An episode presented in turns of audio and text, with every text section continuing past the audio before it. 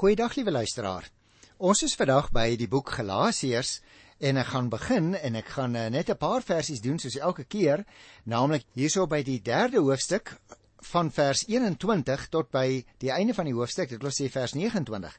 As jy dalk uh, gerieflik by jou huis sit en jy het miskien 'n Bybel voor jou oop, dan sal jy sien die opskrif daarvan is slawe en seuns. Nou die oomblik as 'n mens dit in die Bybel lees, liewe luisteraar, dan besef jy dadelik dit gaan in hierdie gedeelte oor verhoudinge. En ek wil voordat ek in detail sekere van die verse behandel, wil ek so graag 'n bietjie eers kyk na die 28ste vers want dit lyk vir my daar lê die kern van hierdie gedeelte. Daar staan: Dit maak nie saak of iemand Jood of Griek is, slaaf of vry, man of vrou is nie. In Christus Jesus is julle almal een. Nou liewe luisteraar, ek dink hierdie is so 'n belangrike beginsel in die Bybel dat ons eers 'n bietjie met mekaar daaroor eh, gesels. Ook miskien ter wille van so 'n bietjie afwisseling, nê, want ons doen gewoonlik so redelike detail vers vir vers verklaring. Maar uh, ek dink hierdie is 'n belangrike saak en daarom wil ek 'n paar opmerkings maak oor die verhouding wat elke Christus gelowige met ander persone behoort te handhaaf. Nou, jy weet natuurlik dat 'n mens se verhoudinge met ander word bepaal deur jou lewenshouding en daarom is dit baie belangrik. Ek wil graag 'n paar opmerkings maak en ek gaan maar sommer nommer dan is dit miskien makliker aan die hand van vers 21 voordat ons by die res van die perikoop kom en dan gaan ons hom ook sommer baie makliker verstaan. Die eerste opmerking is dit: Die Bybel sê vir ons liewe luisteraar dat die gelowige net een basiese ingesteldheid of lewenshouding behoort te hê, naamlik die van die liefde. Nou het ons al hieroor gepraat en jy sal onthou as 'n mens die woordjie liefde met 'n hoofletter skrywe, dan wys die lang been van die L na jou verhouding met God en die kort beentjie van die letter L wys na jou verhouding met ander mense of met medemense. Gaan kyk gerus in Matteus 22 van vers 37 af tot by vers 39, dan sal jy sien dat die hele gebod Die hele Bybel as dit ware word saamgevat in die een gebod van die liefde, naamlik ons moet God lief hê en ons moet mense lief hê. Nou jy sien hierdie houding sal natuurlik dan ook jou verhoudinge bepaal. Jou vertikale verhouding sal bepaal hoe jou oog op die horisontale vlak sal blink. En jou horisontale houding sal dan jou verhoudinge bepaal, jou van aangesig tot aangesig met medemense. En daarom is dit wat ek wil sê oor ons verhouding op kerklik en godsdienstige rein natuurlik alleen geldig vir jou as jy aan twee vereistes voldoen volgens die Bybel. Nommer 1, jy moet die Bybel van die Here erken as die norm van jou lewenshouding. Want jy sien die Bybel rig ons houding en dis baie belangrik dat ons weet dus wat die Bybel daaroor sê. 'n Tweede algemene opmerking, sê nou ek is 'n Afrikaner of 'n Engelsman of 'n Zulu want jy sien en ek skrik eintlik as ek daaraan dink hoor. Die afrikaner jeug byvoorbeeld ek gebruik nou maar hierdie groep omdat ek aan hulle behoort die afrikaner jeug is nie vandag noodwendig meer Christus jeug nie. Daar's baie gelowiges wat nie afrikaners is nie hoor. Daar's baie engelse byvoorbeeld wat ook nie die Christus van die Bybel bely nie. Ek kan dus vandag nie meer maklik veronderstel dat wanneer ek aan 'n bepaalde volksgroep behoort ek noodwendig 'n Christusgelowige is nie. Om die waarheid te sê, dit was in al die eeue so. Dit was in Bybelse tye in die Ou Testament van die Jode ook waar. Hulle was nie noodwendig almal gelowiges nie. Want om 'n Jood te wees beteken nie noodwendig dat jy die Here dien nie. Net so in die tyd van die Nuwe Testament was nie almal wat gesê het Here, Here Christene nie. Die Here Jesus het juis daarteen gebaak. Ek wil 'n tweede opmerking maak as Christus gelowige, Zulu of Engelsman of Afrikaner, word my basiese houding of rigting bepaal deur die van die liefde, omdat ek aan Christus behoort. Maar kom ons kyk nou so 'n bietjie na die detail van die praktyk. Daar staan 'n baie snaakse ding eintlik in Galasiërs 3 vers 28. Daar is nie meer Jood of Griek nie. Daar is nie meer slaaf of vryman nie. Daar is nie meer man of vrou nie. Want ons is almal staan daar een let op in Christus Jesus. As Paulus byvoorbeeld na die dorp geskryf het waar jy nou sou woon, dan sou daar gestaan het: Daar is nie meer mense wat aan 'n gemeente kan behoort wat net noodwendig ook aan 'n bepaalde bevolkingsgroep behoort nie. Luister, as jy alleen maar dit in die Bybel sou raak lees, dan sou jy natuurlik Paulus se briewe opskeer en sê Liewe oom Paulus, dis nie waar wat jy sê nie. Maar luister, let nou op. Nou staan die ingesteldheid of die houding van hierdie mense daarby, want julle is almal een in Christus Jesus. Mag ek 'n beeld gebruik? Miskien het jy al na marionette vertoning gekyk. Daar's twee poppies op die verhoog. Al twee die poppies dans te gelyk, maar al twee die poppies, ongeag sy kleur, hang aan dun touwtjies word hanteer deur een hand wat die marionette natuurlik laat dans en spring. Jy sien daardie poppies is miskien van verskillende kleure en van verskillende bevolkingsgroepe word hulle voorgestel. Maar as dit nou gaan oor 'n Christelike voorstelling, dan is hulle almal in Christus een. Jy sien, liewe luisteraar, dit is eers wanneer ek na die detail van die praktyk begin kyk rondom my elke dag, dat ek iets begin verstaan van die rykdom aan verskeidenheid, van kleure van die spektrum wat hulle almal het hulle oorsprong by die een bron. Dis belangrik. Die derde opmerking. Kyk nou as die poppies begin dans. Ek laat nou die houding of die ingesteldheid vir 'n oombliekie agterop. En ek bepaal my by die praktyk, met ander woorde, by die verhouding van Christus gelowiges. Die poppies byvoorbeeld op die verhoog van die Republiek van Suid-Afrika staan van aangesig tot aangesig hoewel ons verskillende bevolkingsgroepe verteenwoordig. Kom ons kyk eers net na die een poppie wat voldoen aan ons eie vereistes. Hy's Afrikaner, hy praat Afrikaans en hy's ook 'n Christen. As gelowige het elke Christen twee take. Nommer 1: Die weg van heil in Christus en die koninkryk van God moet verkondig word. Byvoorbeeld, In Christus is verzoening. Die koninkryk het gekom. Die Heilige Gees is uitgestort. Ek gaan net nou so 'n paar riglyne gee met die oog op die toekoms soos wat ek dit verstaan uit die Bybel. Nou dan kom ek weer terug na hierdie heilsdade van die Here toe. Afgesien van die heil wat verkondig moet word, moet jy en ek as Christene onthou ons het ook 'n tweede taak. Jy en ek het 'n roeping ten opsigte van menseverhoudinge. Ons het 'n profetiese funksie ten opsigte van staat en maatskappy. Die skrifnorme wat op alle lewensterreine geld, vertikaal en horisontaal, moet eerbiedig word volgens die Bybel. Miskien moet jy duidelik vir mekaar sê, dit is nie die taak van die kerk, liewe luisteraar, om 'n praktiese politieke beleid te gaan opstel nie. As gelowige het jy en ek nie ook 'n teks vir elke praktiese situasie nie, nie waar nie? Maar daar is die roeping om voortdurend te sê: Jy moet jou naaste lief hê soos jouself, want die Bybel is mos jou en my gesagsnorm.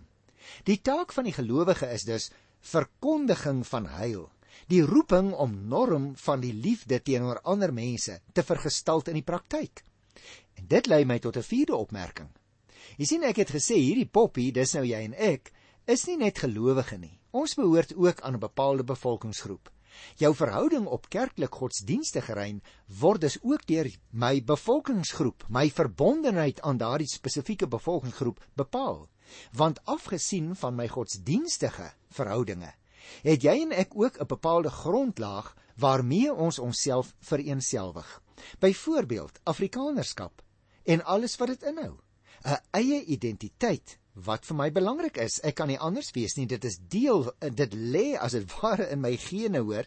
Dit geld vir elke spesifieke persoon wat aan 'n bepaalde bevolkingsgroep behoort. Dis deel van elkeen se erfenis. Dit vertel van die veelvormigheid en veelkleurigheid van die skepping van die Here en daardie identiteit moet eerbiedig en uitgebou word.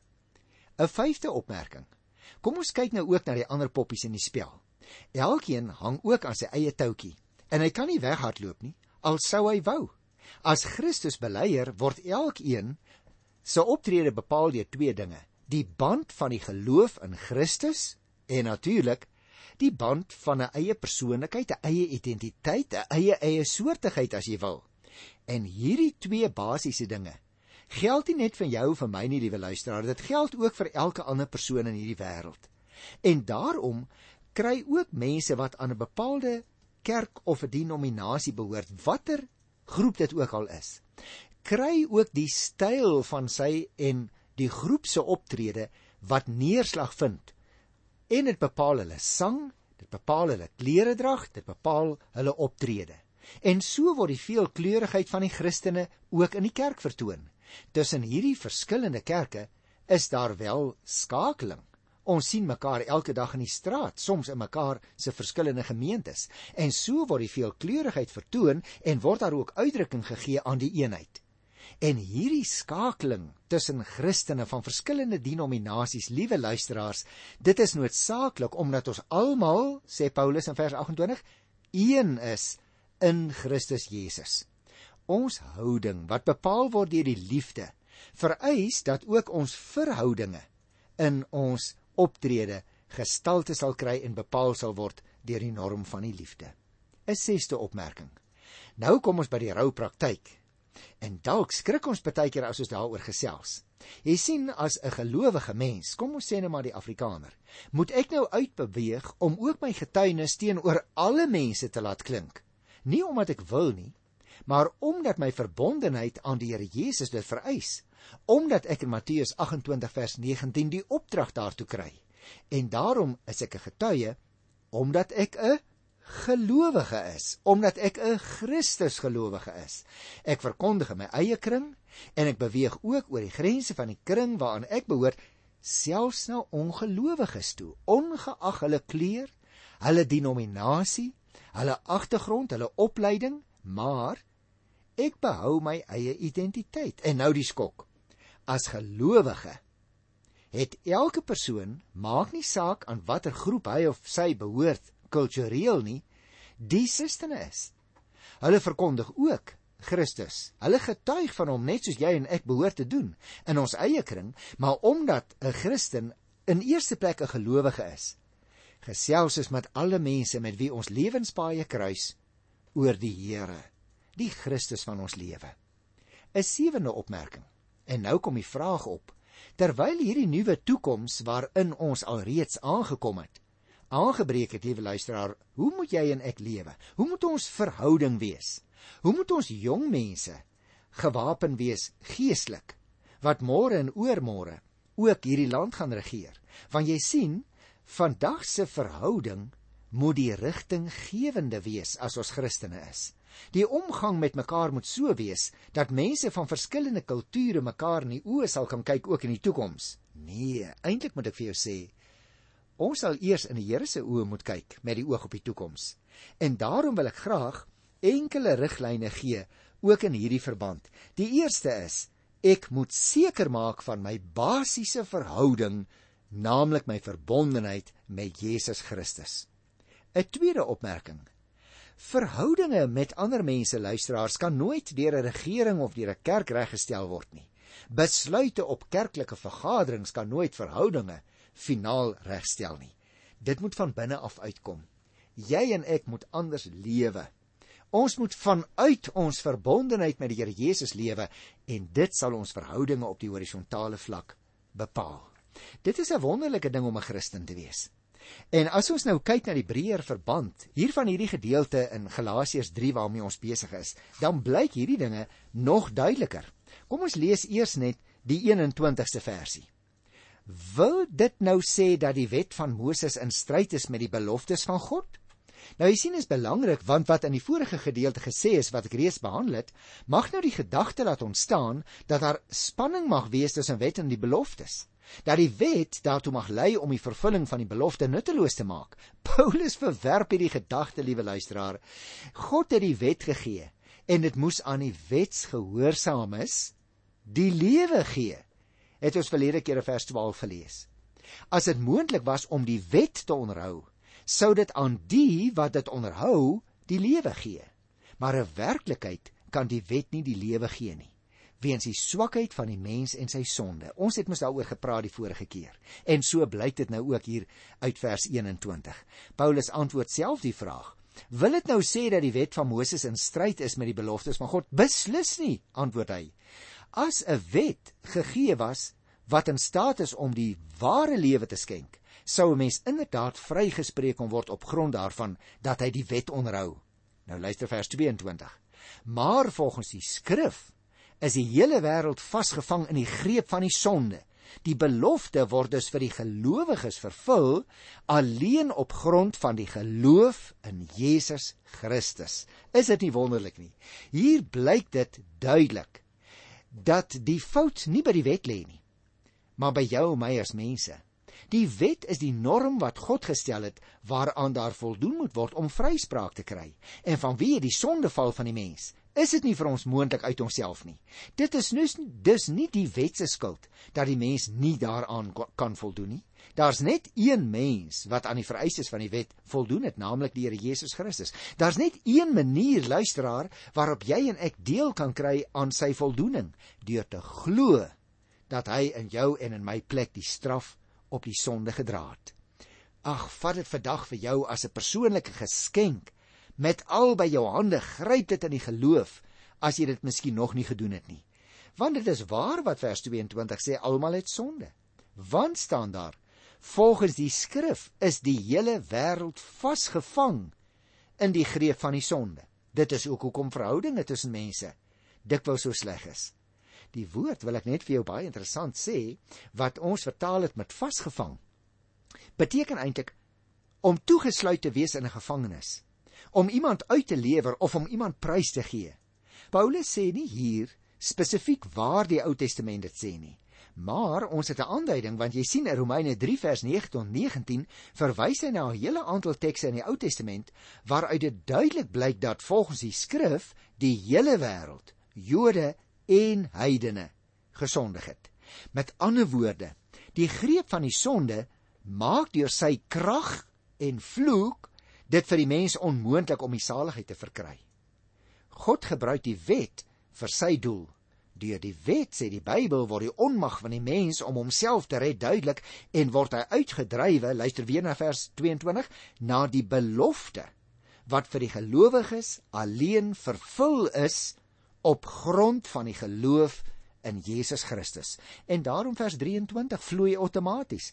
Hy sê voordat hierdie geloof gekom het, is ons deur die wet gevange gehou en bewaak totdat die tyd van die geloof sou aanbreek.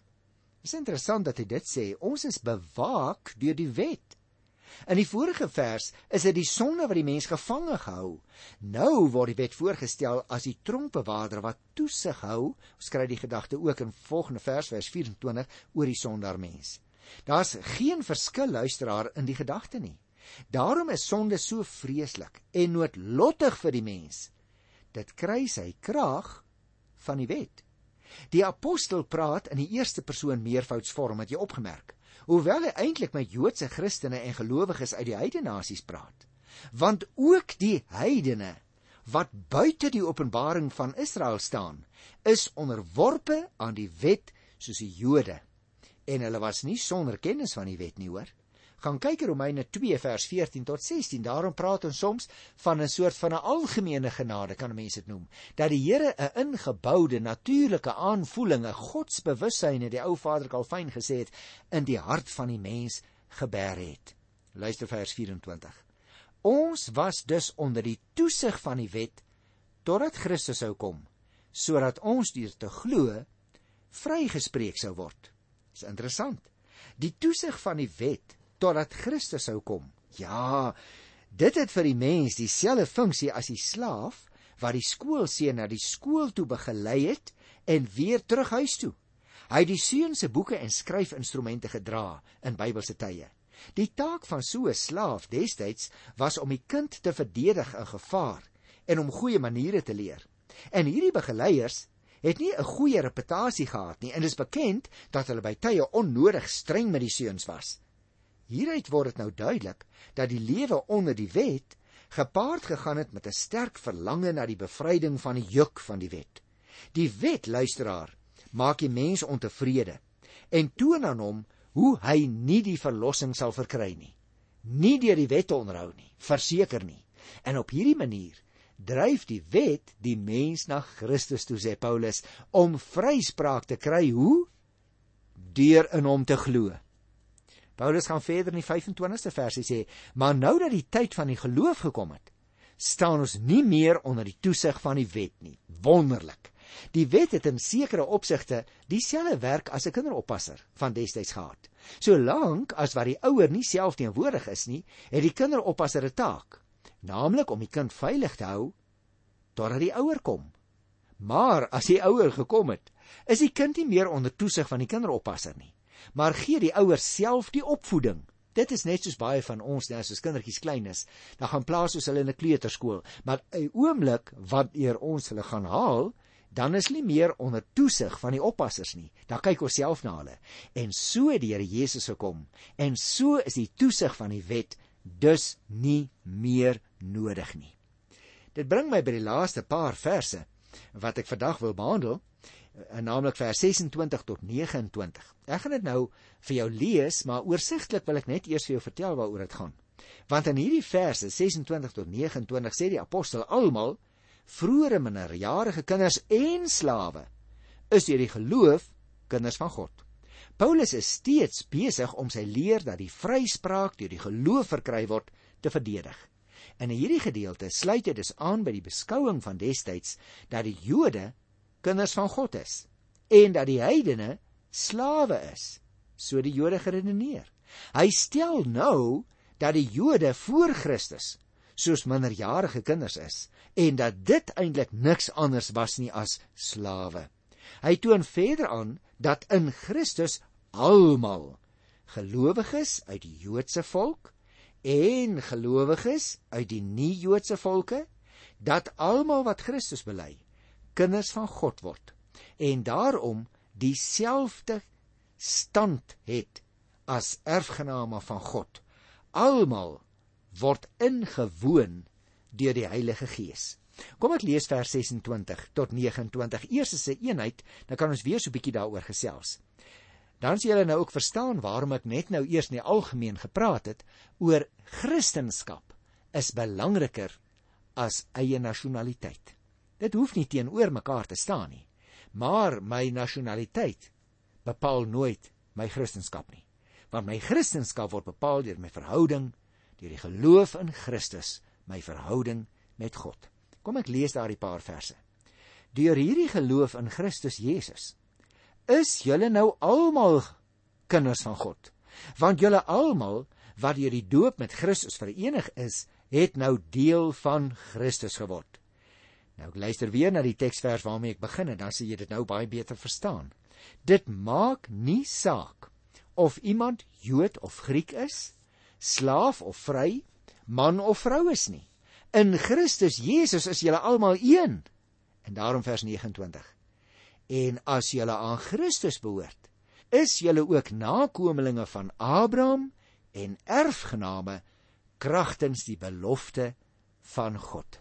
Is dit nie wonderlike woorde nie, liewe luisteraar? Want jy sien hierdie woorde van Paulus, dink ek sou elke Jood van destyds dwars in die krop steek want hulle het elke oggend gebid: Here, ek dank U dat ek nie 'n heiden, luister nou mooi, of 'n slaaf of 'n vrou is nie. En Paulus sny dit by die wortel af. Hier sê die apostel nou uitdruklik dat die Jode in Christus een is met die kategorieë mense wat hulle in hulle tyd so verag het, naamlik die heidene en die slawe en die vrouens wat dikwels by hulle 'n ondergeskikte status gehad het. En so kragtig is die evangelie luisteraar. Dit breek deur die grense van vooroordeel en tradisie heen. Jy moet sorg, jy en ek, dat ons lewe wys dat ons werklike een wees met Christus gelowiges is. Al is hulle al lyk hulle, al is hulle kultuur anders as ons eie en dat ons daardie eenheid aanvaar omdat die Bybel dit sê. Van natuurlik, ek weet, van natuurlik neig 'n mens om groter eenheid met mense van jou eie groep of volk of selfs geslag te ervaar. Maar die Heilige Gees stel vir jou en vir my in staat om, om nie aan ons natuurlike voorkeure toe te gee nie. Wys dat jy deur jou deur die Gees laat lei, liewe luisteraar, deur intieme sosiale en vriendskapsbande te hê met gelowiges van alle kulture, alle groepe, alle tale uit alle kerke en uit alle denominasies. Ek het verwys na die toekoms. Sal die toekoms in ons eie land wat eintlik ook aan die Here behoort. Sal dit nie 'n wonderlike toekoms hê nie, liewe luisteraar? As ons as Christus gelowiges, ongeag ons sosiale verbondenheid, hande vat dat ons een eenheidsfront mag vorm teenoor die ongelowiges. Want hoekom? Paulus sê omdat alle Christus gelowiges een is in Christus Jesus. Wat 'n krag wat ons aan mekaar bind. Ek groet jou op hierdie wonderlike, sterk positiewe noot uit die Here se woord. Tot volgende keer. Tot dan. Totsiens.